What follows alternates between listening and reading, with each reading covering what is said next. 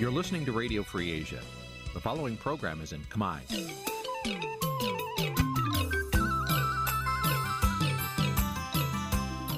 Nǐ chi càm bi tiệp xáy vệt chiu a zì sáy. Nǐ chi càm bi tiệp xáy bā vệt chiu a zì sáy chia phía xa khải. វិទ្យុអស៊ីសេរីសូមស្វាគមន៍លោកអ្នកនាងទាំងអស់ពីរដ្ឋធានី Washington នៃសហរដ្ឋអាមេរិកពីរដ្ឋធានី Washington នាងខ្ញុំសុកជីវីសូមជម្រាបសួរ លោកអ្នកនាងអ្នកស្ដាប់ Vuthu Azizi Serai ទាំងអស់ជាទីមេត្រីយើខ្ញុំសូមជូនកម្មវិធីផ្សាយសម្រាប់ព្រឹកថ្ងៃពុធ8កើតខែអាសាឍឆ្នាំខាលចត្វាស័កពុរសករាជ2566ចាប់ត្រូវនៅថ្ងៃទី6ខែកក្កដាគ្រិស្តសករាជ2022ជាដំបូងនេះសូមអញ្ជើញលោកអ្នកនាងស្ដាប់ព័ត៌មានប្រចាំថ្ងៃដែលមានមេត្តាដូចតទៅ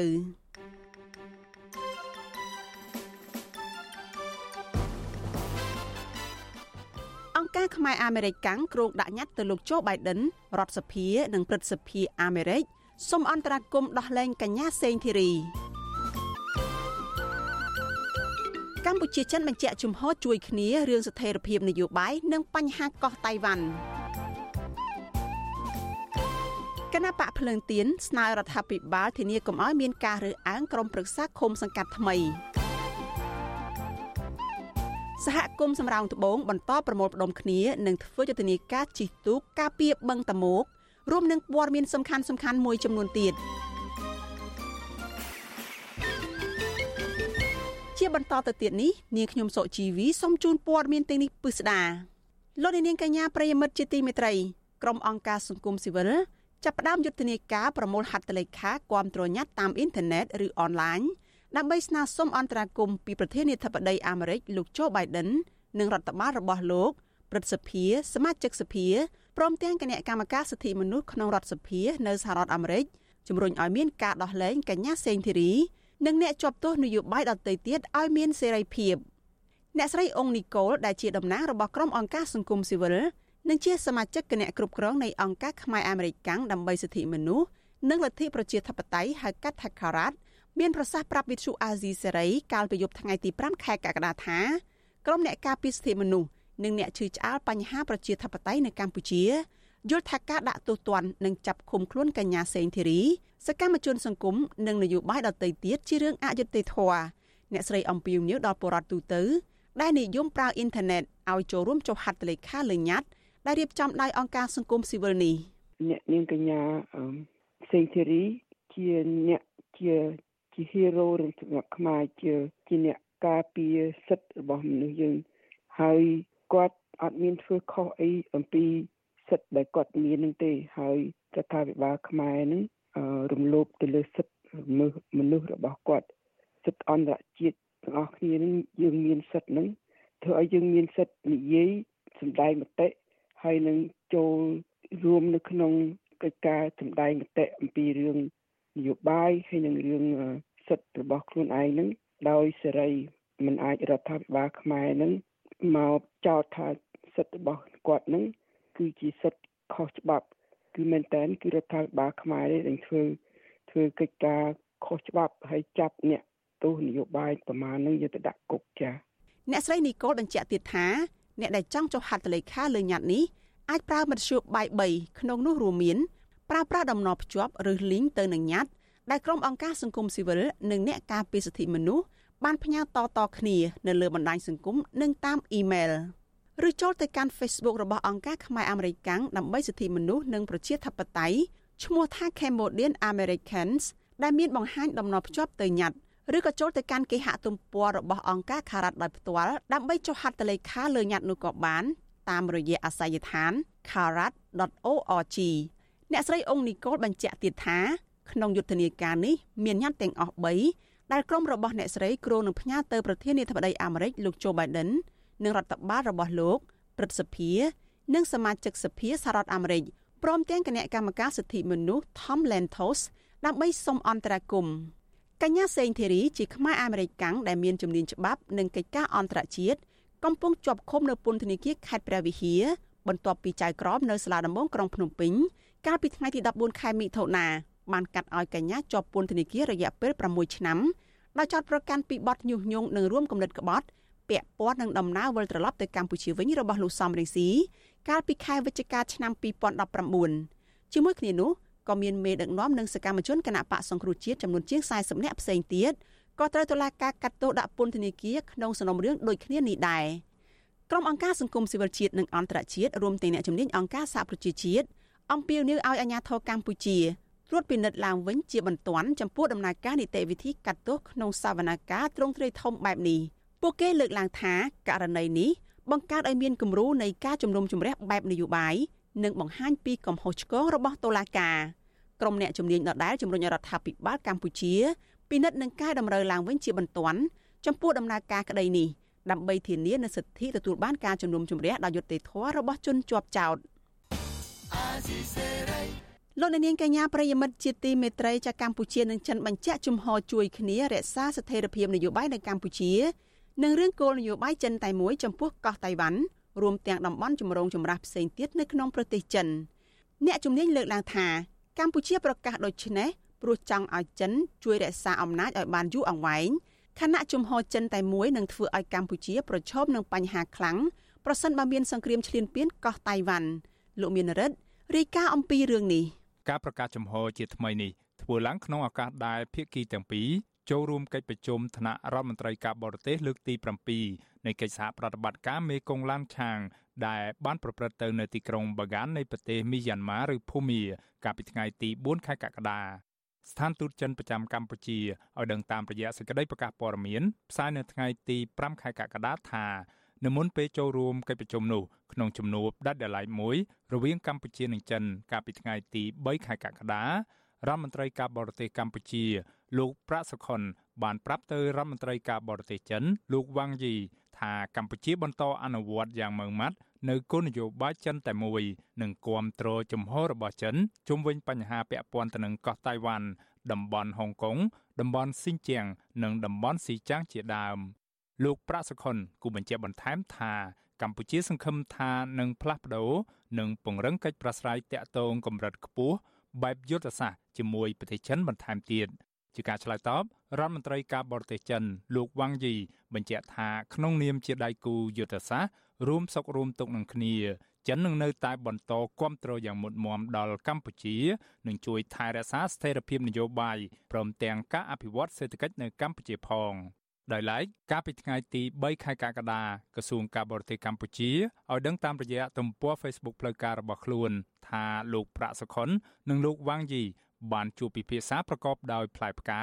លើប្រធានបទផ្សេងផ្សេងនិងបានបន្តបដិញ្ញាចិត្តនៅក្នុងការធ្វើឲ្យទំនាក់ទំនងរវាងប្រទេសទាំងពីរនេះកាន់តែស៊ីជម្រៅថែមទៀតខណៈទំនាក់ទំនងរវាងប្រទេសទាំងពីរនាពេលបច្ចុប្បន្ននេះកំពុងស្ថិតនៅក្នុងចំណុចខ្ពស់បំផុត ក្រសួងការបរទេសកម្ពុជាមិនបានបញ្ជាក់លម្អិតទេថា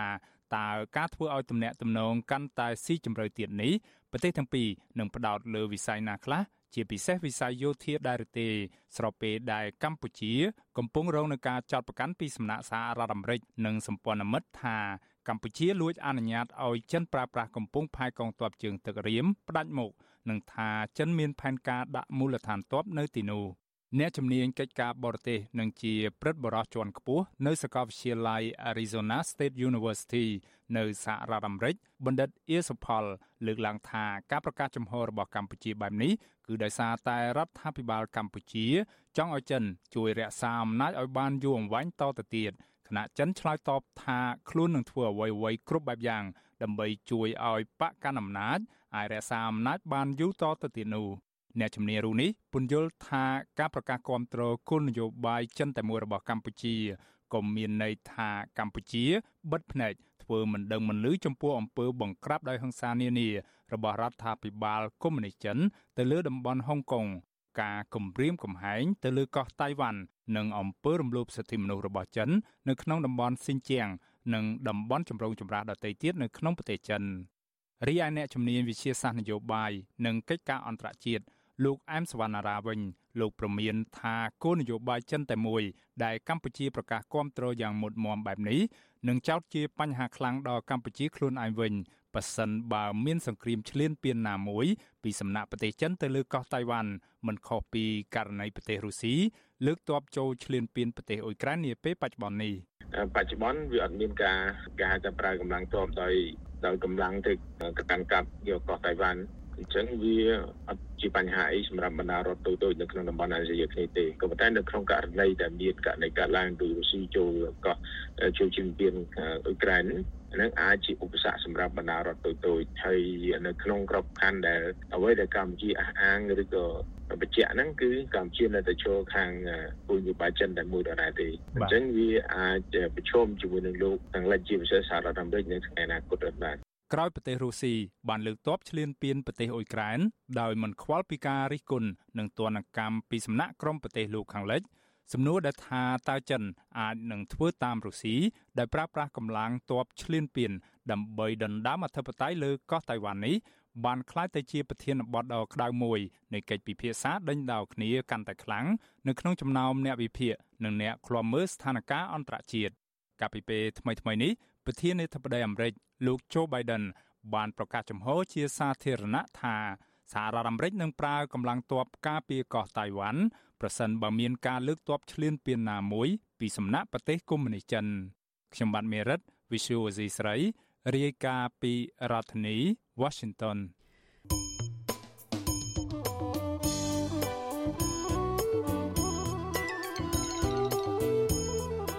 អ្នកនាងកញ្ញាប្រិយមិត្តជាទីមេត្រីចាត់ដំណើរគ្នានឹងការផ្សាយផ្ទាល់តាមបណ្ដាញសង្គម Facebook និង YouTube លោកអ្នកនាងក៏អាចស្ដាប់ការផ្សាយរបស់ Vithu Azizi Saray ចាតាមរយៈវិទ្យុរលកធាតុអាកាសខ្លី SW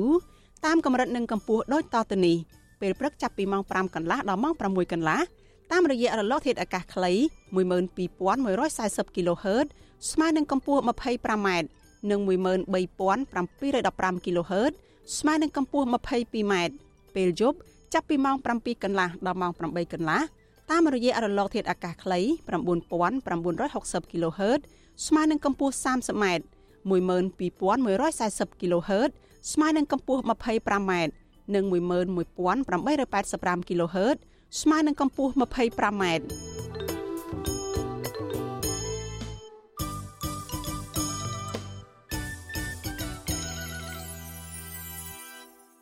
លោកអ្នកនាងកញ្ញាប្រិយមិត្តជាទីមេត្រីលោកអ្នកកំពុងតែតាមដានការផ្សាយរបស់ Vithu Azizi Serai ផ្សាយចេញពីរដ្ឋធានី Washington សហរដ្ឋអាមេរិកព័ត៌មានតកតងនឹងគណៈបកនយោបាយវិញម្ដងគណៈបកភ្លើងទៀនស្នើទៅក្រសួងមហាផ្ទៃទប់ស្កាត់ការរើសអើងនិន្នាការនយោបាយនានានៅក្នុងពេលដែលក្រុមប្រឹក្សាគុំសង្កាត់ចូលកាន់តំណែងថ្មីដើម្បីឲ្យមន្ត្រីជាប់ឆ្នោតទាំងនោះសហការគ្នាបំពេញតួនាទីដឹកនាំនៅក្នុងមូលដ្ឋានឲ្យមានការអភិវឌ្ឍនិងមានភាពរីកចម្រើនស្របតាមគោលការណ៍ច្បាប់ ការលើកឡើងនេះកើតឡើងបន្ទាប់ពីអភិបាលខេត្តបៃលិនថ្លែងសារឌឺដង និងប្រមានចាត់វិធានការចំពោះមន្ត្រីគណៈបកភ្លើងទៀនដែលអាជ្ញាធរយល់ថាចង្រៃដល់សង្គមលោកយ៉ងច័ន្ទដារារាយការណ៍អំពីរឿងនេះគណៈបកភ្លើងទៀនលើកឡើងថាការរើសអើងចំពោះក្រុមប្រឹក្សាឃុំសង្កាត់និងការរើសអើងប្រជាពលរដ្ឋនឹងកើតឡើងកាន់តែអាក្រក់ប្រសិនបើក្រសួងស្ថាប័នពាក់ព័ន្ធមិនចាត់វិធានការទប់ស្កាត់ឲ្យមានប្រសិទ្ធភាពទេនោះប្រធានក្រុមការងារគណៈបកភ្លើងទៀនខេត្តបៃលិន លោកខមនីកុសលប្រាប់វិទ្យុអាស៊ីសេរីនៅថ្ងៃទី5ខែកក្កដាថាអភិបាលខេត្តបៃលិនអ្នកស្រីបានស្រីមុំបានយកពិធីប្រកាសសុពលភាពរបស់ក្រុមប្រឹក្សាឃុំសង្កាត់ដើម្បីឌឺដងដាក់រូបលោកនិងមន្ត្រីជាប់ឆ្នោតរបស់គណៈបកភ្លើងទៀនថាមិនចេះធ្វើការនយោបាយនិងមិនយល់អំពីច្បាប់ព្រមទាំងប្រមានចាត់វិធានការដោយប្រៀបធៀបពួកលោកទៅនឹងសត្វចង្រៃនៅក្នុងសង្គមដែលគេត្រូវបាញ់ថ្នាំសម្លាប់ចោលទៀតផងលោកចាត់ទុកសារព្រមាន នៅមុនពេលដែលមន្ត្រីនៅថ្នាក់មូលដ្ឋានមិនទាន់ចូលបំពេញការងារបែបនេះគឺជាការគំរាមកំហែងផ្នែកនយោបាយដែលមិនអាចទទួលយកបានឡើយលោកខមនីកុសលបារម្ភថា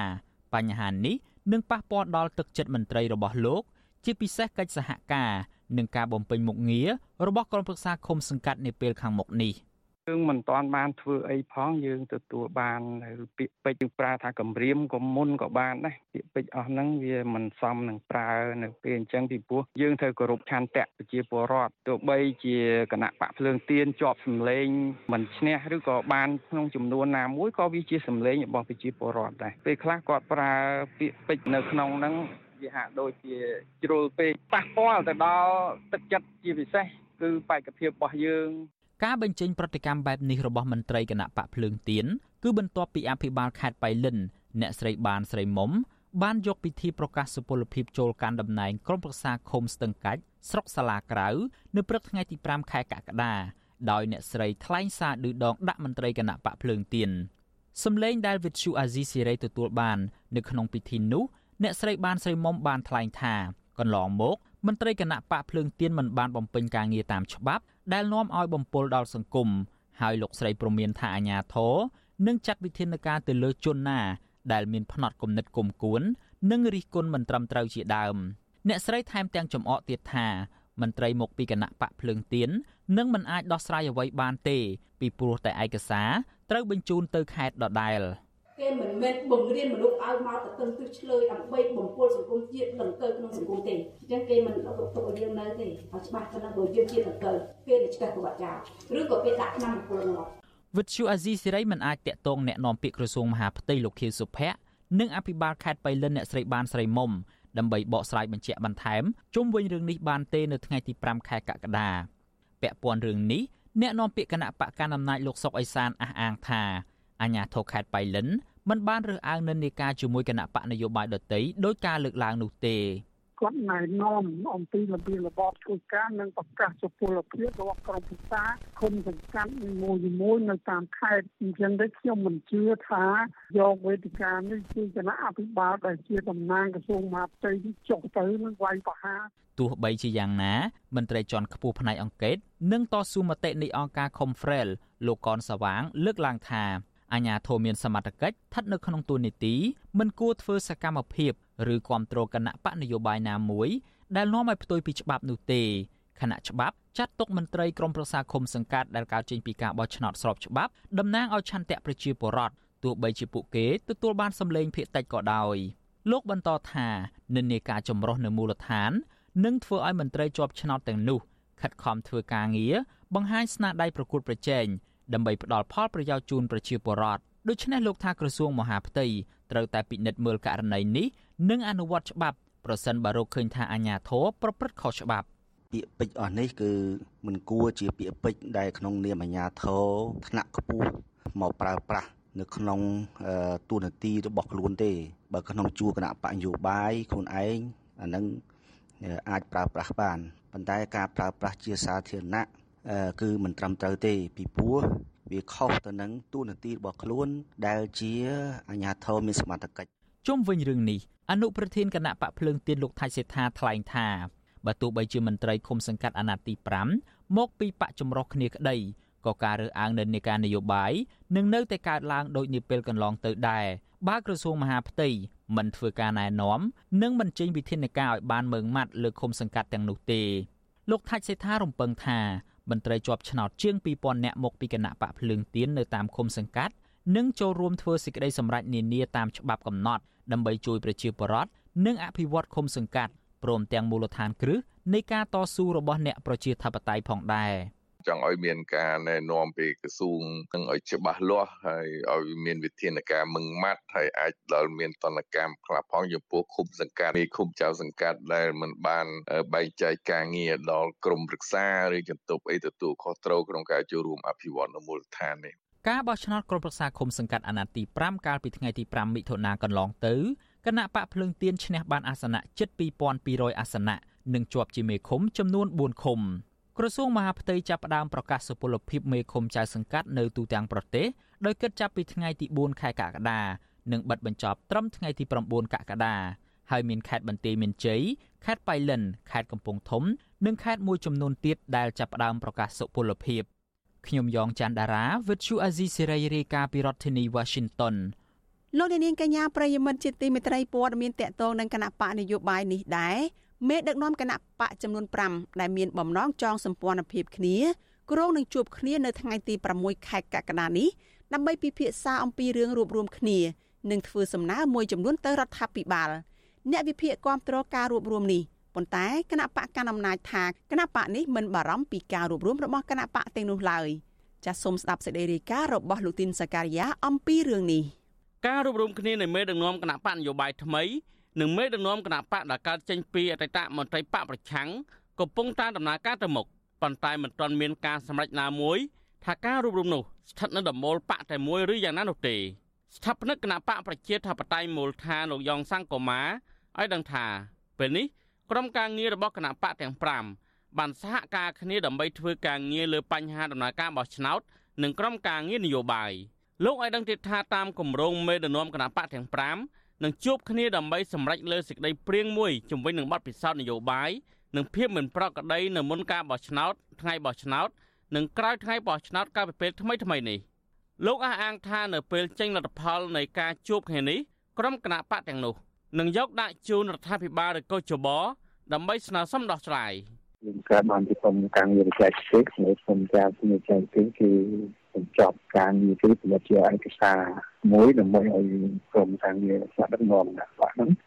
ជាគំនិតភាសាលើអនុម័តលើហ្នឹងណាគណៈបកនយោបាយទាំង5ដែលក្រុងនឹងជួបគ្នានេះរួមមានគណៈបកភ្លើងទៀនគណៈបកប្រជាធិបតេយ្យមូលដ្ឋានគណៈបកកម្ពុជានិយមគណៈបកកែតម្រង់កម្ពុជា និងគណៈបកឆន្ទៈខ្មែរលោកយ៉ងសង្គមាមិនទាន់អាចបញ្ជាក់ពីគម្រោងរួមរំគ្នានៃគណៈបកទាំង5នេះបាននៅឡើយទេ ព្រោះបញ្ហានេះកំពុងស្ថិតនៅក្នុងការជួបជជែកគ្នានៅឡើយតែទៅនៅរឿងនេះប្រធានគណៈបកឆន្ទៈខ្មែរលោកកុងមុនីកាលើកឡើងថា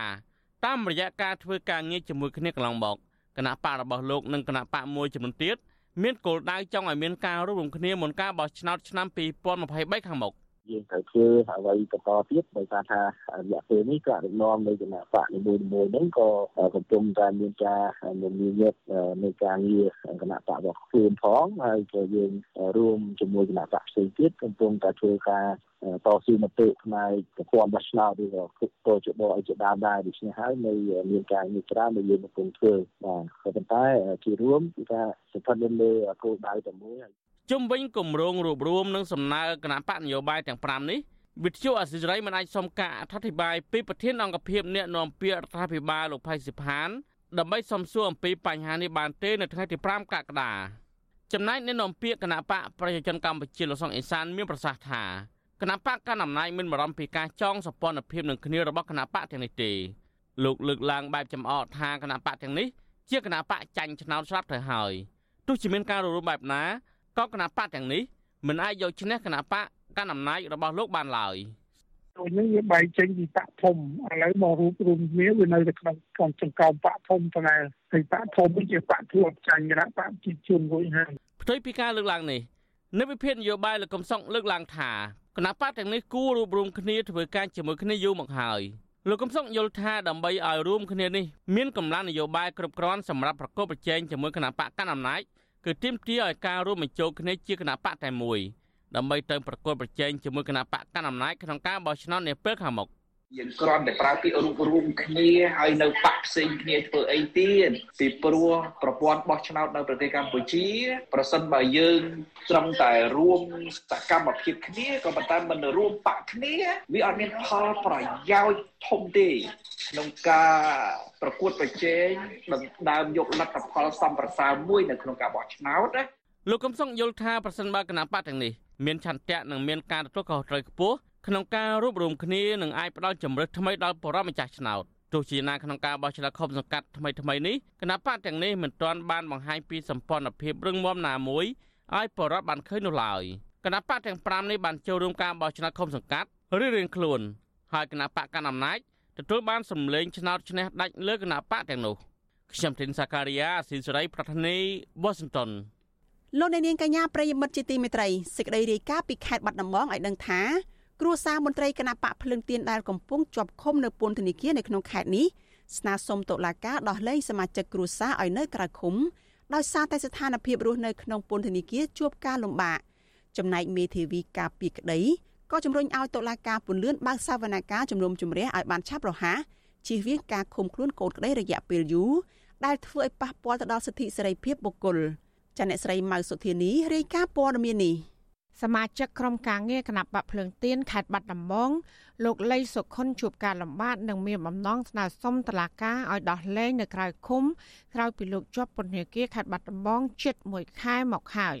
លោកលីសុខុនគឺជាសមាជិកក្រុមការងារគណៈបកភ្លើងទៀននៅស្រុកឯកភ្នំត្រូវបានសមត្ថកិច្ចចាប់ខ្លួនកាលពីថ្ងៃទី8ខែមិថុនានៅហាងកាហ្វេមួយកន្លែងក្នុងក្រុងបាត់ដំបងដែលចោទពីបទរំលោភរំលើឋាន បន្ទាប់ពីលោកថតវីដេអូក្រុមមន្ត្រីគណៈបកកណ្ដាលអំណាចអង្គុយកត់ឈ្មោះពលរដ្ឋនៅថ្ងៃបោះឆ្នោតក្រុមប្រឹក្សាឃុំសង្កាត់ទទោះបីដើមចោតបានដាក់ពាក្យបណ្ដឹងវិញក៏ដោយតឡាការខេត្តបាត់ដំបងនៅតែបន្តចោតប្រកាន់មកលើរូបលោកដដែលដោយអះអាងជាបណ្ដឹងអាញា ភរិយារបស់លោកលីសុខុនគឺអ្នកស្រីលីនលីដាប្រាប់បច្ចុប្បន្នអសីស្រីឲ្យដឹងថាស្វាមីត្រូវឃុំខ្លួននៅពន្ធនាគារជិត1ខែមកនេះលោកស្រីសង្កេតឃើញស្វាមីមានសភាពស្គមស្គាំងនិងចុកខ្សោយជាងមុនលោកស្រីបន្តថាស្ថានភាពរស់នៅក្នុងពន្ធនាគារជួបការលំបាកខ្លាំងព្រោះនៅទីនោះមានមូសច្រើននិងគ្មានអនាម័យលោកស្រីថាចំណីអាហារនិងរបស់ប្រើប្រាស់មួយចំនួន នៅក្នុងពន្ធនាគារមានតម្លៃថ្លៃជាងនៅខាងក្រៅ ហើយដែលធ្វើឲ្យការចំណាយកាន់តែកើនឡើងមួយកម្រិតទៀតទន្ទឹមគ្នានេះម្ដាយលោកលីសុខុនកំពុងធ្លាក់ខ្លួនឈឺស្របពេលដែលលោកស្រីរកចំណូលមិនសូវបានច្រើន។បច្ចុប្បន្នលោកស្រីលីនលីដាកំពុងដាក់លិខិតស្នើសុំតុលាការខេត្តបាត់ដំបងឲ្យដោះលែងលោកលីសុខុននៅក្រៅឃុំបណ្ដោះអាសន្នដើម្បីឲ្យលោកបានរស់នៅជាមួយក្រុមគ្រួសារនិងមានសុខភាពល្អជាងនៅក្នុងពន្ធនាគារ គាត់ពេកអត់ទៅបានឥឡូវគាត់កូនខ្លាក់មែនតើអញ្ចឹងចាថ្ងៃបានប្រើប្រាស់នៅក្នុងនឹងមួយចំនួនគឺថ្លៃអញ្ចឹងណាគាត់ទិញទៅគាត់ថាថ្លៃនៅក្នុងនឹងទៅสนំពោដល់គាត់សូមជួយដល់លែងគ្រូសាខ្ញុំត្រឡប់មកវិញព្រោះអីពេលដែលគាត់ចាប់ខំខៀងអញ្ចឹងគឺខ្ញុំពិបាកមែនតើពិបាកទាំងសេដ្ឋកិច្ចពិបាកនឹងអ្វីអ្វីគ្រប់យ៉ាងចង់និយាយថាគាត់ជាបង្គោលនៅគ្រួសារអញ្ចឹងណាចំណែកឯមេធាវីការពារក្តីលោកសំសុគង្គ ជំរុញអតឡាការបើកសវនាការអង្គសេចក្តីនេះឲ្យបានឆាប់រហ័សជំនួសឲ្យការដោះលែងនៅក្រៅឃុំលោកថារឿងកូនក្តីគឺជាបាត់មជ្ឈិមហើយប៉ះសិនមិនមានការដោះលែងឲ្យនៅក្រៅឃុំនោះរឿងក្តីនេះនឹងកាន់តែពជាពេដែលធ្វើប៉ះពាល់ដល់ការរស់នៅ ហើយនឹងសិទ្ធិសេរីភាពរបស់លោកលីសុខុនជាមួយគ្នានេះលោកនៅតែអះអាងថាការចាប់ប្រកាន់របស់តុលាការមកលើកូនក្តី គឺជារឿងមិនត្រឹមត្រូវជាមួយនឹងអង្គហេតុនោះឡើយ។ ដោយសាររឿងគាត់នឹងគឺជារឿងមជ្ឈិមដែលមានកម្រិតទោសតែមួយខែដល់មួយឆ្នាំណាបើកាលណាយើងដឹងសុំនៅក្រៅគុំទៅវានាំតែបន្លាយពេលអញ្ចឹងខ្ញុំមានបំណងជំរុញឲ្យតុលាការហ្នឹងបើកសវនាការអង្គសេចក្តីវិញវាប្រសើរជាងណាបើយើងមើលពីបទចោទថាចូលលំនៅឋានទេហ្នឹងបើយើងមើលអង្គហេតុគឺអត់ពាក់ព័ន្ធនឹងបទចោទទេដោយសារគាត់អត់បានចូលទៅផ្ទះគេទេគាត់ចូលទៅលើខ្នល់ទេប៉ុន្តែយើងឃើញតាមភាពប្រកបគឺមិនបានទៅចូលដល់ក្នុងផ្ទះហើយក៏មិនបានប្រើហិង្សាអីផ្សេងៗក៏វាអាក្រក់ដែរក៏គាត់សួរនាំសមាជិកក្រុមការងារគណៈបកភ្លើងទៀនខេត្តបាត់ដំបងលោកលីសុខុនត្រូវបានបរិយាអាជ្ញារងអមសាលាដំបងខេត្តបាត់ដំបងបញ្ជូនខ្លួនទៅពន្ធនាគារខេត្តបាត់ដំបងកាលពីថ្ងៃទី9ខែមិថុនាក្រោយពីការចាប់ខ្លួនបានមួយថ្ងៃមកដល់ពេលនេះលោកជាប់ពន្ធនាគាររយៈពេល27ថ្ងៃហើយដោយមិនទាន់មានការជំនុំជម្រះពីតុលាការនៅឡើយ ខណៈដែលការរស់នៅរបស់លោកក្នុងពន្ធនាគារកាន់តែមានសភាពយ៉ាប់យ៉ឺនពីមួយថ្ងៃទៅមួយថ្ងៃ។ជុំវិញរឿងនេះបរិយាអាញាអមសាលាដំបងខេត្តបាត់ដំបងលោកកៅសុជាតិបដិសេធមិនធ្វើអត្ថាធិប្បាយដល់លោករុញឲ្យទៅសួរអ្នកនាំពាក្យសាលាដំបងខេត្តបាត់ដំបងជំនួសវិញវិទ្យុអសីស្រីក៏មិនអាចតាក់ទងអ្នកនាំពាក្យសាលាដំបងខេត្តបាត់ដំបងអ្នកស្រីជាច័ន្ទរស្មីបាននៅឡើយទេ នៅថ្ងៃទី5ខែកក្កដា អ្នកសម្របសម្រួលផ្នែកខ្លំមើលការរំលោភសិទ្ធិមនុស្សនៃអង្គការលីកាដូប្រចាំនៅខេត្តបាត់ដំបងលោកអិនគង្គចិត្តមានប្រសាសន៍ថាករណីលោកលីសុខុនគឺជាបទមជ្ឈិមកម្រិតស្រាលដែលតុលាការគួរតែពិចារណាជំនុំជម្រះឲ្យបានឆាប់រហ័សទន្ទឹមគ្នានេះលោកក៏ជំរុញអតឡាការដោះលែងលោកលីសុខុនឲ្យនៅក្រៅឃុំបណ្ដោះអាសន្នដែលហេតុថាលោកមានទីលំនៅច្បាស់លាស់ និងជាអ្នកចេះដឹងផ្នែកច្បាប់ម្នាក់ដែលមិនអាចល្មើសនឹងច្បាប់បានឡើយ។ ខ្ញុំជឿថាគាត់នឹងអាចគោរពទៅតាមលក្ខខណ្ឌដែលតុលាការគូអនុគ្រោះដូចជាដាក់ឲ្យគាត់ស្ថិតនៅក្រោមការត្រួតពិនិត្យតាមផ្លូវតុលាការដោយសារគាត់មានទីលំនៅច្បាស់លាស់គាត់មានទីលំនៅពិតប្រាកដគាត់មានមុខរបរហើយគាត់ជាអ្នកច្បាប់ផងអញ្ចឹងគាត់នឹងគោរពទៅតាមនីតិវិធីរបស់តុលាការគាត់នឹងមិនគិតខ្លួនតាណាទេអញ្ចឹងការស្នើសុំរបស់ភរិយាគាត់នឹងគួរតែតុលាការពិចារណាណាលោកជាក្រមទឹកទូគួរតែពិចារណាអនុគ្រោះឲ្យគាត់បាទ មន្ត្រីសង្គមស៊ីវិលអ្នកវិភាគនិងមន្ត្រីគណៈបកភ្លើងទៀនចាត់ទុកករណីលោកលីសុខុនពាក់ព័ន្ធនឹងរឿងនយោបាយជាជាងរឿងផ្លូវច្បាប់ចាននាងខ្ញុំម៉ៃសុធានីវិទ្យុអាស៊ីស្រីប្រធានាធិបតី Washington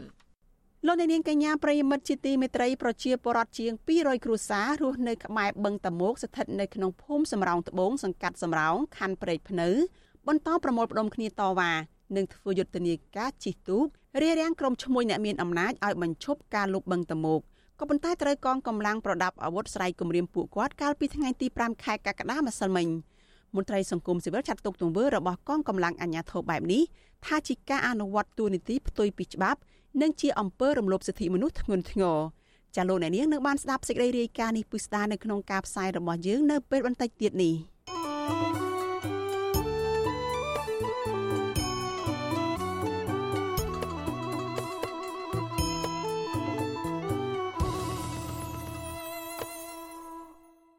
លោកអ្នកនាងកញ្ញាប្រិយមិត្តជាទីមេត្រីព័ត៌មានតកតនឹងការថែរក្សាធនធានធម្មជាតិនៅក្នុងខេត្តកែបឯណោះវិញ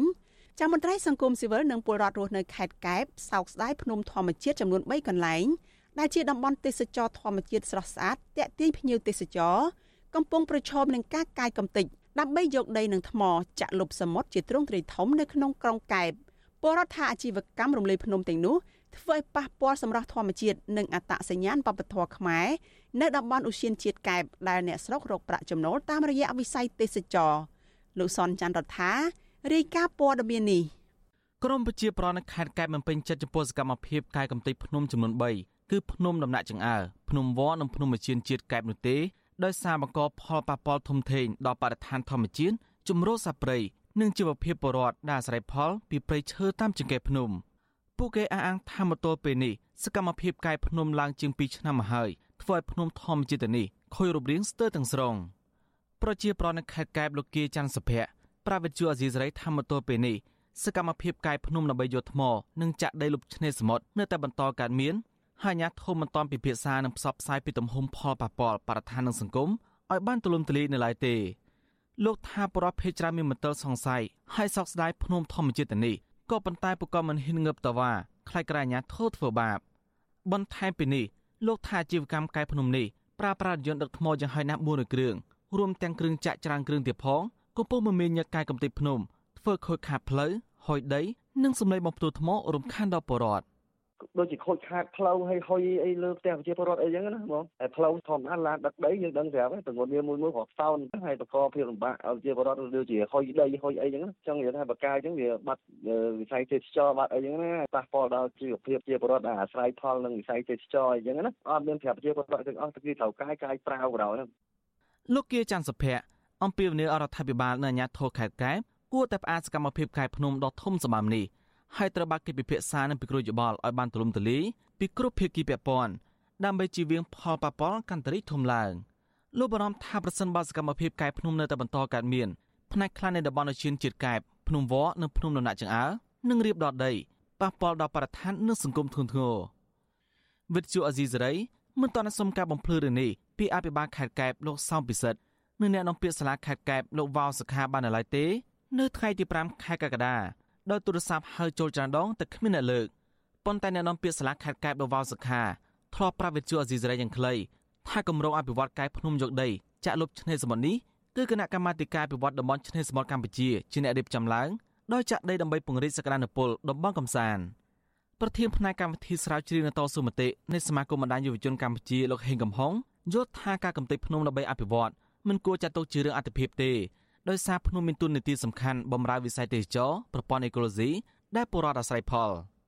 លោកស្នាញាធរខេត្តកែបត្រូវបង្ហាញដំណាភាពព័ត៌មាននិងផ្សព្វផ្សាយជាសាធារណៈអំពីបញ្ហាប្រឈមនានា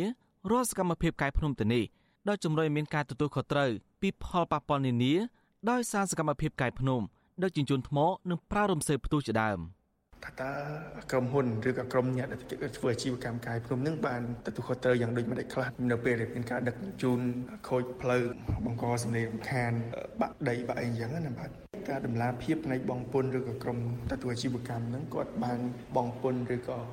បងអីខ្លះសម្រាប់ជាប្រយោជន៍ទៅដល់រដ្ឋហើយគួរតែដំណាភាពក្នុងការផ្សព្វផ្សាយថាតើគម្រោងសំខាន់យ៉ាងដូចម្តេចសម្រាប់រដ្ឋហើយសំខាន់យ៉ាងដូចម្តេចសម្រាប់ការអភិវឌ្ឍដល់ប្រជាពលរដ្ឋនៅមូលដ្ឋាន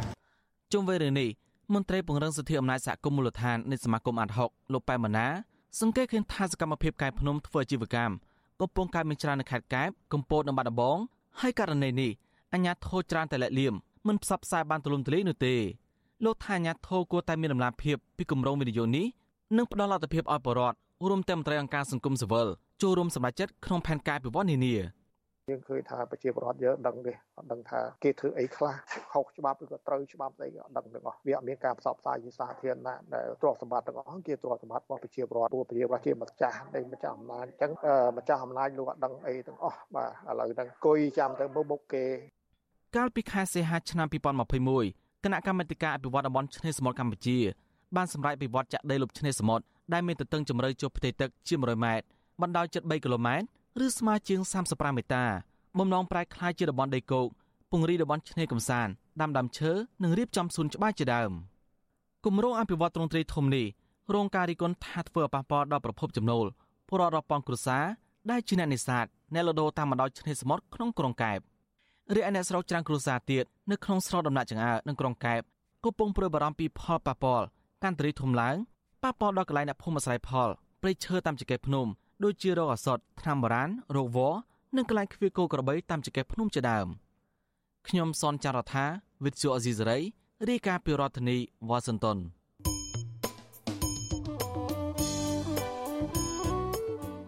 ចលនានាងជាទីមេត្រីនៅក្នុងឱកាសនេះដែរនាងខ្ញុំសូមថ្លែងអំណរគុណដល់លោកអ្នកនាងកញ្ញាទាំងអស់ដែលតែងតែមានភក្ដីភាពចំពោះការផ្សាយរបស់យើងហើយចាត់ទុកការស្ដាប់វិទ្យុអាស៊ីសេរីនេះ គឺជាផ្នែកមួយនៃសកម្មភាពប្រចាំថ្ងៃរបស់លោកអ្នកនាងចាក់ការគ្រប់គ្រងរបស់លោកអ្នកនាងនេះហើយដែលធ្វើឲ្យយើងខ្ញុំកាន់តែមានទឹកចិត្តខ្លាំងថែមទៀតក្នុងការស្វែងរកព័ត៌មាននិងផ្តល់ព័ត៌មានពិតជូនលោកអ្នកនាងចាំមានអ្នកស្ដាប់មានអ្នកទស្សនាកាន់តែច្រើនកាន់តែធ្វើឲ្យយើងខ្ញុំមានភាពស្វាហាប់មោះមុតជាបន្តទៅទៀតយើងខ្ញុំសូមអរគុណទុកជាមុនហើយសូមអញ្ជើញលោកអ្នកនាងកញ្ញាចូលរួមជំរុញឲ្យសកម្មភាពផ្សព្វផ្សាយព័ត៌មានរបស់វិទ្យុអាស៊ីសេរីនេះ ចាកាន់តែជោគជ័យបន្ថែមទៀតចាលោកអ្នកនាងអាចជួយយើងខ្ញុំបានដោយគ្រាន់តែចុចចែករំលែកការផ្សាយរបស់វិទ្យុអាស៊ីសេរីចានៅលើបណ្ដាញសង្គម Facebook និង YouTube ទៅកាន់មិត្តភ័ក្តិរបស់លោកអ្នកនាងចាដើម្បីឲ្យការផ្សាយរបស់យើងនេះបានទៅដល់មនុស្សកាន់តែច្រើន ចាសូមអរគុណ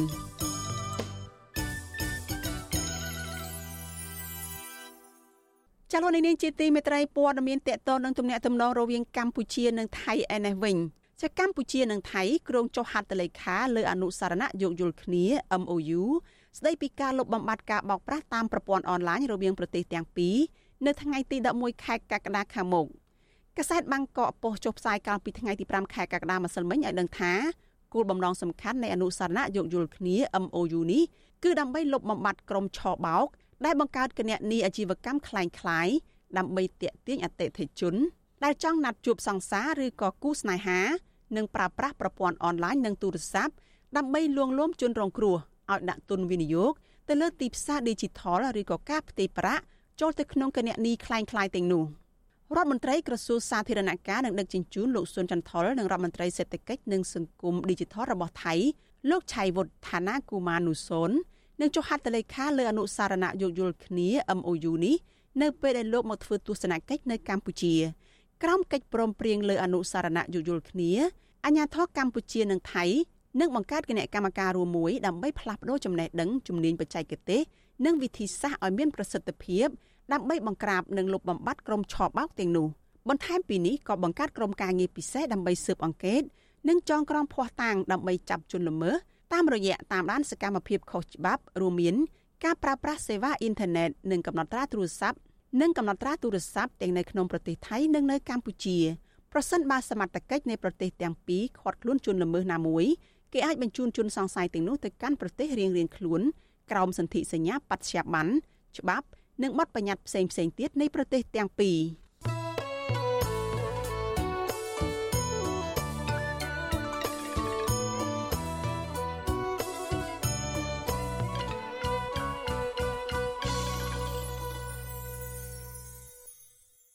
ចលនានាងប្រិយមិត្តជាទីមេត្រីព័ត៌មានតកតងនឹងប្រជាពលរដ្ឋដែលកំពុងតែរស់នៅក្បែរបឹងតាមុកក្នុងរាជធានីភ្នំពេញវិញម្ដង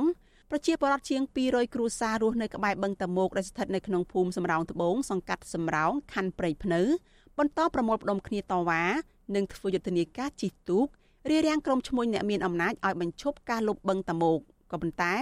ពួកគេត្រូវកងកម្លាំងប្រដាប់ដោយអាវុធស្រ័យគំរាមកាលពីថ្ងៃទី5ខែកក្កដា មន្ត្រីសង្គមស៊ីវិលចាត់ទុកទង្វើរបស់កងកម្លាំងអាជ្ញាធរបែបនេះថាជាការអនុវត្តទួលនីតិផ្ទុយពីច្បាប់និងជាអំពើរំលោភសិទ្ធិមនុស្សធ្ងន់ធ្ងរចាលោកមានរិទ្ធមានសេចក្តីរាយការណ៍ដាច់ដライមួយទៀតអំពីរឿងនេះក្រមប្រជាពលរដ្ឋប្រមាណជាង100នាក់ដែលតំណាងឲ្យពលរដ្ឋជាង200គ្រួសាររស់នៅក្បែរបឹងតមោកនៅថ្ងៃទី5ខែកក្កដាបានវិចខ្ចប់បាយតាំងពីព្រឹកព្រលឹមដើម្បីលើកគ្នាទៅតវ៉ាឲ្យក្រុមហ៊ុនឯកជនមួយចំនួន បញ្ឈប់ការចាក់ដីលុបផ្ទៃបឹងតមោកពួកគាត់ឲ្យដឹងថាផ្ទៃបឹងតមោកស្ថិតនៅក្នុងតំបន់ភូមិសំរោងត្បូងកំពុងប្រែក្លាយជាដីគោកជាបន្តបន្ទាប់នឹងនៅតែប្រមាណជាង200ហិកតាទៀតតែប៉ុណ្ណោះដែលការចាក់ដីបំពេញផ្ទៃបឹងនេះនឹងទៅដល់ផ្ទះសម្បែងរបស់ពលរដ្ឋ108ខ្នងដែលបានតាំងលំនៅឋានតាំងពីឆ្នាំ1990មកក្រៅពីនេះពលរដ្ឋឲ្យដឹងទៀតថាសកម្មជនដីធ្លីមួយចំនួនក៏កំពុងព្រួយបារម្ភ ពីការចាប់ចងនឹងបញ្ហាសវត្ថិភាពផ្ទាល់ខ្លួនដោយសារតែកងកម្លាំងប្រដាប់ដោយអាវុធចុះមកស្រែកសម្លុតគម្រាមកំហែងប្រជាសហគមន៍សម្រងត្បូងឲ្យបញ្ឈប់ការរារាំងអាជ្ញាធរក្នុងការលុបបឹងតមោកនេះតទៅទៀតតំណាងប្រជាសហគមន៍ភូមិសម្រងត្បូងលោកស្រីប្រាក់សុភាប្រាវិសុយស៊ីស្រីនៅថ្ងៃទី5ខែកក្កដាថាការជួបប្រមូលផ្ដុំរបស់ពលរដ្ឋជាង100នាក់តាំងពីព្រឹកព្រលឹមនេះ គឺក្នុងគោលបំណងដើម្បីទាមទារដល់អាជ្ញាធរឲ្យបញ្ឈប់ការលុបផ្ទៃបឹងតមោកដើម្បីជៀសវាងការបំផ្លិចបំផ្លាញអួនដាក់ត្រី ដែលពលរដ្ឋរស់នៅក្បែរបឹងទាំងអស់បានខ្ចីបុលធនាគារយកមកប្រកបមុខរបរនេសាទក៏ប៉ុន្តែលោកស្រីថាក្រុមហ៊ុននិងអាជ្ញាធរដែលកំពុងបន្តសកម្មភាពចាក់ដីលុបបឹងមិនបានខ្វាយខ្វល់ពីក្តីអាណិតដល់ពលរដ្ឋនោះឡើយ ក្រៅពីនេះលោកស្រីបញ្ជាក់ថាកងកម្លាំងអាជ្ញាធរប្រដាប់ដោយកំភ្លើងខ្លីប្រមាណ50នាក់ក៏បន្តរារាំងនិងគំរាមពលរដ្ឋមិនឲ្យជួបជុំប្រមូលផ្ដុំគ្នាតវ៉ារោគដំណោះស្រាយនោះដែរ ខ្ញុំកើតអត់ទាន់ប៉ុលពតទេអូនប៉ុន្តែខ្ញុំមកឃើញប៉ុលពតសម័យសន្តិភាពខ្ញុំអត់កើតទាន់ប៉ុលពតទេប៉ុន្តែដល់ទៅពេលខ្ញុំឃើញខាងកម្លាំងសាលាខណ្ឌគាត់ធ្វើដាក់ពលដាក់ពលរដ្ឋអញ្ចឹងដូចពេចាក់គាត់ថាអពតភ្ជុងពលរដ្ឋអញ្ចឹងដល់ពេលខ្ញុំឃើញអញ្ចឹងខ្ញុំគិតថាសម័យប៉ុលពតសម័យសន្តិភាពពួកអីរាល់ថ្ងៃពួកខ្ញុំមានការព្រួយបារម្ភពីសុខភាពអ្នកដែលតស៊ូមតិគឺពួកខ្ញុំមានការព្រួយបារម្ភសាលាខណ្ឌគាត់ប្រើថាពលរដ្ឋហ៊ានតស៊ូជាមួយអាជ្ញាធរគឺគាត់ដាក់កម្លាំងនៃការចាប់ខ្លួនពលរដ្ឋវាជាអយុត្តិធម៌មួយហើយវាពិបាកភ្នែកមើលខ្ញុំសូមមកខាងសារព័ត៌មានជួយធ្វើសាកសីតើតើពលរដ្ឋចោតសាលាខណ្ឌឬក៏ខាងសាលាខណ្ឌប្រើសិទ្ធិគំរាមប៉ុនប៉ងធ្វើមនុស្សជាតិលើពលរដ្ឋចំណែកឯពលរដ្ឋម្នាក់ទៀតរស់នៅជាប់ផ្ទៃបឹងតមោកស្ថិតនៅក្នុងភូមិសំរោងត្បូងសង្កាត់សំរោងខណ្ឌព្រៃភ្នៅលោកស្រីសឿនស្រីសុតថ្លែងថាលោកស្រីរន្ធត់ចិត្តជាខ្លាំងចំពោះកងកម្លាំងអាជ្ញាធរប្រដាប់ដោយអាវុធដែលបានចុះមកគំរាមកំហែងពលរដ្ឋជាបន្តបន្ទាប់ ទោះយ៉ាងណាលោកស្រីថាពលរដ្ឋទាំងអស់ដែលរស់នៅជាប់ផ្ទៃបឹងតមោកបានបដិញ្ញាចិត្តថាពួកគេនឹងនៅតែបន្តទៀមទារោគយុទ្ធធរបើទោះបីជាមានការគំរាមកំហែងដល់ពលរដ្ឋយ៉ាងណាក្តីដោយសារតែផ្ទៃបឹងតមោកនេះគឺជាអាយុជីវិតរបស់ពួកគាត់ធ្វើទៅដូចជាឈឺចាប់ពលរដ្ឋខ្មែររស់នៅលើដីរដ្ឋខ្លួនឯងតែមានកងកម្លាំងចម្រុះ សពគ្រប់មានតាំងតែអឹមបលីត្រីខណ្ឌអីគាត់ចុះមកជុំមើលទៅដូចជាពួកខ្ញុំហ្នឹងជាជនអន្តោប្រវេសន៍ហ្មងមើលទៅខ្លួនឯងវាដូចឈឺចាប់មែនតើហ្មងព្រោះអ្វីវាតែមិនបានលើសចំនួនពលពតទៀតនារយៈពេលចុងក្រោយនេះតំណាងសហគមន៍សម្រោងត្បូងជាង100នាក់ដែលរស់នៅជាប់ផ្ទៃបឹងតមោកបានរួមគ្នាដាក់ញត្តិកាន់ខុទ្ទកាល័យលោកនាយរដ្ឋមន្ត្រីហ៊ុនសែនស្ថាប័នរដ្ឋសភា និងទីស្តីការគណៈរដ្ឋមន្ត្រីជាបន្តបន្ទាប់ ដើម្បីស្នើដល់រដ្ឋាភិបាលលោកហ៊ុនសែនឲ្យកាត់ជ្រឿលដីចំនួន5ហិកតា និងផ្ដល់ប្លង់កម្មសិទ្ធិដីធ្លីស្របច្បាប់ជូនដល់ប្រជាពលរដ្ឋជាង200គ្រួសារដោយធានាថាគ្មានការបណ្តេញពួកគាត់ចេញពីលំនៅឋានទាំងបង្ខំនោះទេទោះយ៉ាងណាមកដល់ពេលនេះអ្នកភូមិថារដ្ឋាភិបាលនិងអាជ្ញាធរខណ្ឌព្រៃភ្នៅមិនបានដោះស្រាយជាវិជ្ជមានណាមួយជូនដល់ពួកគាត់នៅឡើយទេ ក៏ប៉ុន្តែបែរជាមានកងកម្លាំងប្រដាប់ដោយអាវុធមកគំរាមកំហែងពលរដ្ឋបន្ថែមទៀតវិសុយស៊ីស្រីមិនអាចតាក់ទងអភិបាលរាជធានីភ្នំពេញលោកខួងស្រេងនិងអភិបាលខណ្ឌព្រៃភ្នៅ លោកសុកសម្បត្តិដើម្បីសូមអត្ថាធិប្បាយជុំវិញបញ្ហានេះបាននៅឡើយទេនៅថ្ងៃទី5ខែកក្កដា ក៏ប៉ុន្តែតំណាងពលរដ្ឋលោកស្រីប្រាក់សុភានិយាយថានៅពេលដែលអ្នកភូមិបានលើកគ្នាតវ៉ាសារជាថ្មីទៀតនេះអភិបាលរងខណ្ឌព្រៃភ្នៅ លោកឈឹមសុផង់ប្រាប់ពលរដ្ឋនៅចំពោះមុខថាការបន្តចាក់ដីលុបផ្ទៃបឹងតមោកនេះធ្វើឡើងតាមការបញ្ជារបស់លោកហ៊ុនសែន ខាងសាលាខណ្ឌនគាត់ថាគាត់សុំនិយាយជាមួយពលរដ្ឋគាត់ថាគាត់ចាក់នេះមិនមែនចាក់តាមទំនើបរបស់អាជ្ញាធរទេគឺអភិវឌ្ឍទៅតាមគោលការណ៍នយោបាយរដ្ឋមន្ត្រីអសម្ដេចលោកបានមានអនុសាសន៍ហើយថាអភិវឌ្ឍប៉ះកន្លែងណាគឺដោះស្រាយឲ្យពលរដ្ឋទៅតាមកន្លែងនោះទៅពិតខាងសាលាខណ្ឌគាត់អត់ធ្វើទៅតាមគោលការណ៍នយោបាយរដ្ឋមន្ត្រីគាត់ប្រើអំណាចការអភិវឌ្ឍរបស់នយោបាយរដ្ឋមន្ត្រីហ្នឹងគាត់ប្រើសិទ្ធិចាក់លុបរបស់ប្រជាពលរដ្ឋដែលអត់មានដោះស្រាយអត់ដល់សម្ដៅឲ្យពលរដ្ឋចឹង ជុំវិញរឿងនេះអ្នកសម្របសម្រួលគម្រោងធុរកិច្ចនិងសិទ្ធិមនុស្សនៃមជ្ឈមណ្ឌលសិទ្ធិមនុស្សកម្ពុជាហៅកាត់ថា CCHR លោកវ៉ាន់សុផាត សង្កេតឃើញថាផ្ទៃបឹងតមោកបានប្រែក្លាយជាតំបន់ដីគោកយ៉ាងឆាប់រហ័សក្រោយពីលោកហ៊ុនសែនបានសម្រេចកាត់ជ្រៀលទៅឲ្យក្រុមហ៊ុនឯកជនសម្រាប់អភិវឌ្ឍក្រៅពីនោះលោកថា បើពលរដ្ឋនៅតំបន់នោះនៅតែគ្មានដំណោះស្រាយនឹងរងនឹងការបណ្តេញចេញពីលំនៅឋានទាំងបង្ខំនោះពលរដ្ឋក៏បាត់បង់នូវក្តីសង្ឃឹមសម្រាប់ការរស់នៅប្រចាំថ្ងៃដែរបន្ថែមពីនេះលោកចាត់ទុកករណីរបស់កងកម្លាំងប្រដាប់ដោយអាវុធបន្តគំរាមកំហែងដើម្បីរារាំងមិនឲ្យពលរដ្ឋទាមទារសិទ្ធិដីធ្លីនេះថាជាការអនុវត្តទួលនីតិផ្ទុយពីច្បាប់ និងជាការរំលោភបំពានសិទ្ធិមនុស្សធ្ងន់ធ្ងរ ហើយតកតងទៅនឹងអីការប្រើប្រាស់អាវុធសម្បត្តិជំនាញកំផែងនេះហាក់បីដូចជាពលានអ្នកគ្រប់គ្រងណាមានថ្នាក់ដឹកនាំណាឬក៏អ្នកគ្រប់គ្រងខាងកងកម្លាំងប្រដាប់អាវុធហ្នឹងហាក់បីដូចជាជំងឺកតើហើយហាក់បីដូចជាមិនមានការគ្រប់គ្រងឲ្យកងកម្លាំងប្រដាប់អាវុធហ្នឹងទៅជាប្រើកម្លាំងអាវុធនឹងអាណាធិបតេយ្យណាដូចជាចំនួនយើងដឹងស្រាប់ថាចំនួនប៉ុលពតរបៀបនេះអញ្ចឹងគឺថាមានការប្រើកម្លាំងផ្ដាច់ការដើម្បីជំរាបបង្ហាញជាបរិវត្តបំបាក់ជារដ្ឋណាកុំឲ្យតែធ្វើការតវ៉ាផ្ទៃបឹងតមោកមានទំហំជាង3000ហិកតាតាមអនុក្រឹត្យចុះថ្ងៃទី3ខែកុម្ភៈឆ្នាំ2016ក៏ប៉ុន្តែផ្ទៃបឹងដែលអ្នកភូមិចាត់ទុកថាជាអាងស្តុកទឹកដ៏ធំជាងគេនៅរាជធានីភ្នំពេញនេះបានប្រែក្លាយជាតំបន់ដីគោកបន្តិចម្ដងបន្តិចម្ដង បន្ទាប់ពីរដ្ឋាភិបាលលោកហ៊ុនសែនបានសម្រេចកាត់ជ្រៀលផ្ទៃបឹងនេះទៅឲ្យក្រុមអង្គការឈ្មួញមន្ត្រីក្រាក់ក្រាក់ព្រមទាំងក្រុមគ្រួសារសាច់ញាតិរបស់លោក ដើម្បីអនុញ្ញាតឲ្យពួកគេចាក់ដីលុបបឹងអស់រាប់រយហិកតាក្រោមហេតុផលនៃការអភិវឌ្ឍកត្រឹមឆ្នាំ2018ដល់ឆ្នាំ2021ទំហំដីបឹងតមោកមានចំនួនជាង2000ហិកតា ដែលរដ្ឋាភិបាលបានកាត់និងដោះដូរទៅស្ថាប័នរដ្ឋក្រុមហ៊ុនឯកជន និងមនុស្សមួយក្រុមទៀតដែលពលរដ្ឋដឹងថាជាអ្នកមានលុយមានអំណាចដើម្បីឲ្យពួកគេកសាងអគារបូរី វីឡា ខុនដូ និងធ្វើជាកម្មសិទ្ធិឯកជនជាដើម។ ខ្ញុំបាទមេរិត Visual C ស្រីរាយការណ៍ពីរដ្ឋធានី Washington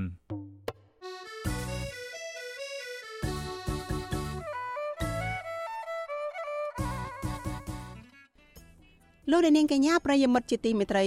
ចាក្រៅពីតាមដានកម្មវិធីផ្សាយរបស់ Vuthu Azizi Serai តាមបណ្ដាញសង្គម Facebook YouTube និង Telegram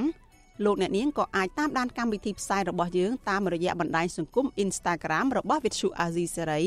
តាមរយៈតំណភ្ជាប់ instagram.com/rfa ខ្មែរចាវិទ្យុ Azizi Serai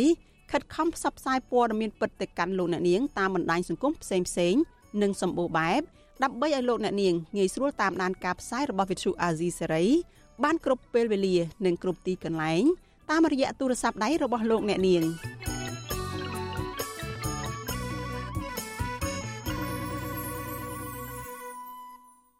លោកអ្នកនាងជាទីមេត្រីលោកអ្នកកំពុងតែតាមដានការផ្សាយរបស់ Vithu Azizi Serai ផ្សាយចេញពីរដ្ឋធានី Washington សហរដ្ឋអាមេរិក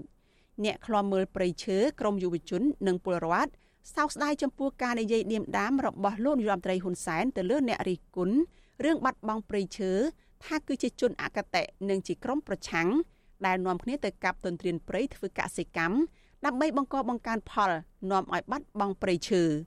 លោកហ៊ុនសែនក៏បានព្រមានថានឹងដកហូតដីធ្លីរបស់អ្នកដែលរិះគន់ទាំងអស់ដែលកាន់កាប់ក្រោយទសវត្សរ៍ឆ្នាំ70ដើម្បីយកទៅដាំកូនឈើឡើងវិញចាលោកសេកបណ្ឌិតរាយការណ៍ព័ត៌មាននេះលោកនាយករដ្ឋមន្ត្រីហ៊ុនសែនបានគម្រាមចំពោះអ្នកដែលរិះគន់លោកដដែលដដែលរឿងបាត់បង់ព្រៃឈើថាលោកនឹងរឹបអូសយកដីធ្លីអ្នកទាំងនោះ ដែលកាន់កាប់ក្រោយឆ្នាំ1979ដែលលោកអះអាងថាដីទាំងនោះ បានមកពីការកាប់ទុនទ្រានព្រៃឈើលោកថាមូលហេតុនាំឲ្យព្រៃឈើបាត់បង់ដោយសារកំណើនប្រជាជន ធ្វើឲ្យមានតម្រូវការដីធ្លីសម្រាប់បង្កបង្កើនផលលោកទទួលស្គាល់ថាកម្ពុជាបាត់បង់ព្រៃឈើប៉ុន្តែចំនួនមកវិញ នៅដំណាំកសិកម្មដើម្បីបំពេញតម្រូវការជីវភាពប្រជាជន ហើយក៏មានដីនៅកន្លែងខ្លះទៀតមានព្រៃឈើរិចរើតែជំនួសមកវិញដោយដើមកៅស៊ូដូងប្រេង និងស្វាយចន្ទទីជាដើម លោកហ៊ុនសែនថ្លែងបែបនេះក្នុងទិវាមច្ឆាជាតិ1កក្កដាក្នុងខេត្តបន្ទាយមានជ័យនៅព្រឹកថ្ងៃទី1ខែកក្កដាពួកអកតេនិយម ប្រើប្រាស់តែឈើបាត់ទៅណាព្រៃបាត់ទៅណាឥឡូវចេះបើសិនជាអ្នកឯងនៅបន្តរកបាត់ទៅណាប្រៃឈើនឹងអញ្ចឹងដីរបស់ឯងកាន់កាប់ក្រោយឆ្នាំ79ជាដីដែលឯងបានពីការកាប់ឈើនោះឯងដីនៅដីដដែលប៉ុន្តែត្រូវបានពួកក្រុមដែលឯងមួយចំនួនកាន់កាប់ អ្នកខ្លាប់មើលប្រៃឈើក្រមយុវជន និងប្រជាពលរដ្ឋប្រតិកម្មចំពោះការលើកឡើងបែបនេះ ដោយចាត់ទុកថាជាការប្រើវោហារស័ព្ទនយោបាយដើម្បីដោះបន្ទុកឬក៏សម្រាលការទទួលខុសត្រូវពីវិនិស្សកម្មប្រៃឈើខុសទំនងក្នុងនាមជារដ្ឋាភិបាលអនុវត្តច្បាប់យុវតីរស់នៅក្នុងរាជធានីភ្នំពេញកញ្ញាធួនស្រីពៅយល់ថាការលើកឡើងនេះពុំមែនជាយន្តការស្វែងរកដំណោះស្រាយវិបត្តិប្រៃឈើ ដែលអូសបន្លាយពេលជាច្រើនឆ្នាំមកហើយនោះទេកញ្ញាបន្ថែមថា មានហេតុផលបន្ទាប់បន្សំជាច្រើននាំឲ្យព្រៃឈើបាត់បង់ដោយសារបទល្មើសព្រៃឈើនៅតែបន្តកើតមានជាហូរហែដោយគ្មានយន្តការលុបបំបាត់តតែសោះបើទោះបីជាក្រុមអង្គការសង្គមស៊ីវិលបង្ហាញភ័ស្តុតាង និងរបាយការណ៍រាប់មិនអស់យ៉ាងណាក្តីក៏មន្ត្រីរដ្ឋាភិបាលមិនយកចិត្តទុកដាក់ដោះស្រាយដែរ កញ្ញាចង់ឃើញរដ្ឋាភិបាលទទួលយកមតិរិះគន់ក្នុងន័យស្ថាបនាឬក៏របាយការណ៍ស្រាវជ្រាវរបស់ក្រុមអង្គការសង្គមស៊ីវិល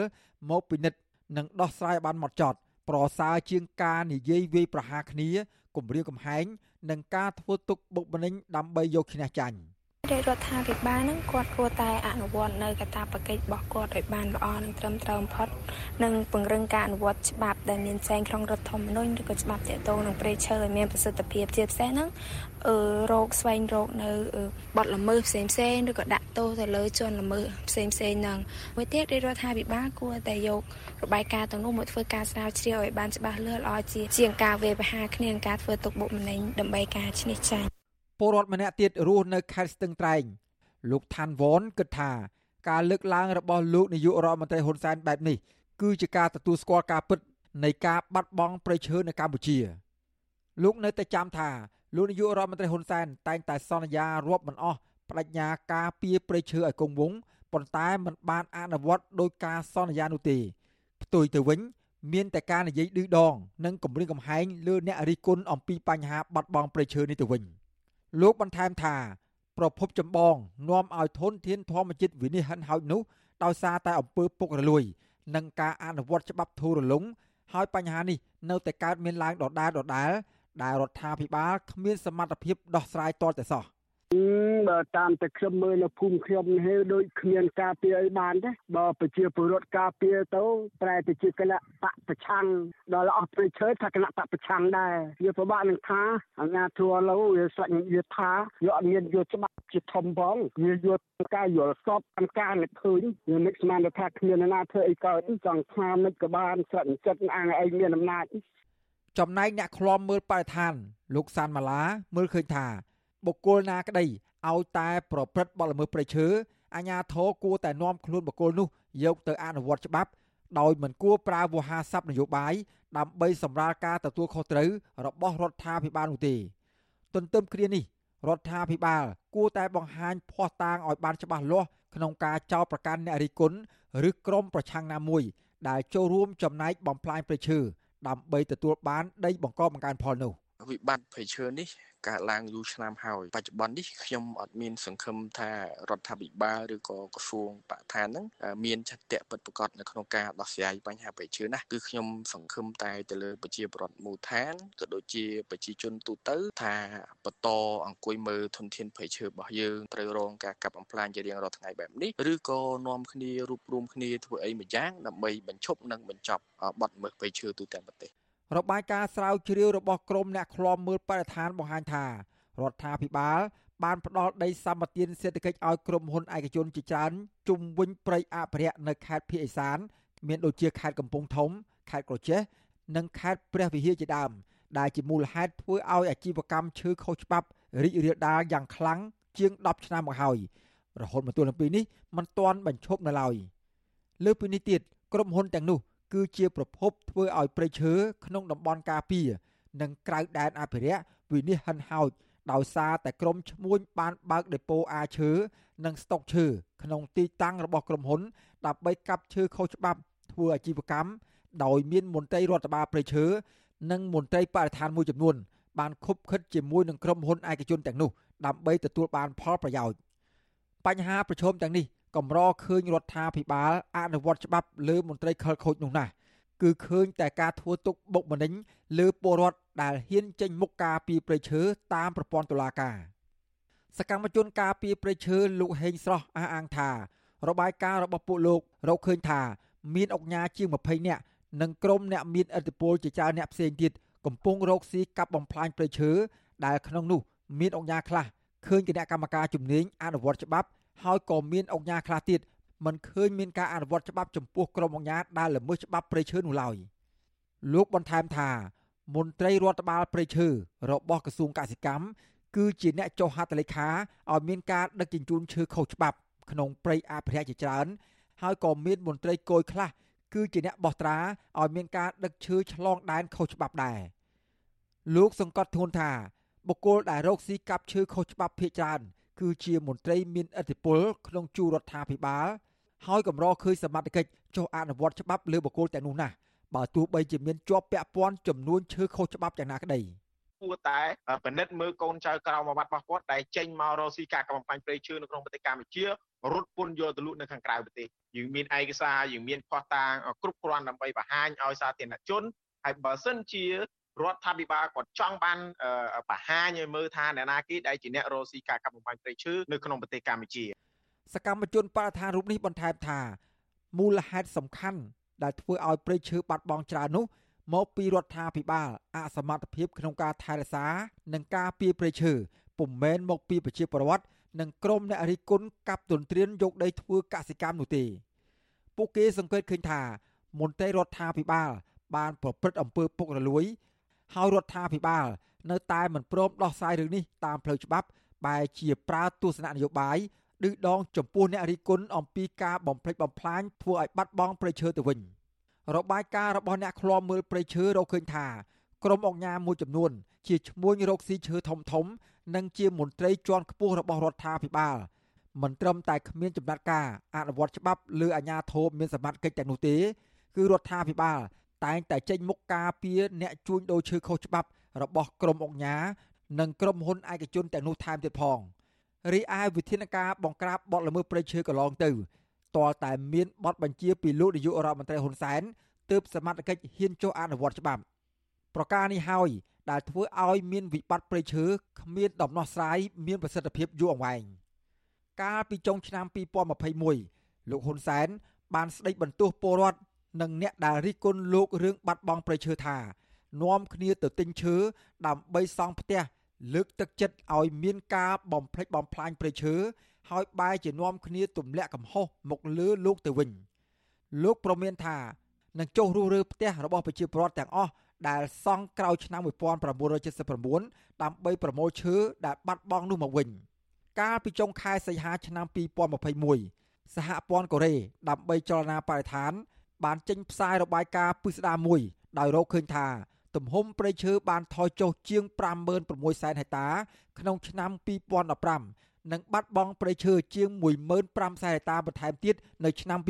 2020ការរកឃើញនេះផ្អែកតាមទិន្នន័យផ្កាយរណបជាសាធារណៈផ្ដល់ដោយសាកលវិទ្យាល័យ Maryland នៃសហរដ្ឋអាមេរិកខ្ញុំបាទសេកបណ្ឌិតវិទ្យុអាស៊ីសេរីពីរដ្ឋធានីវ៉ាស៊ីនតោន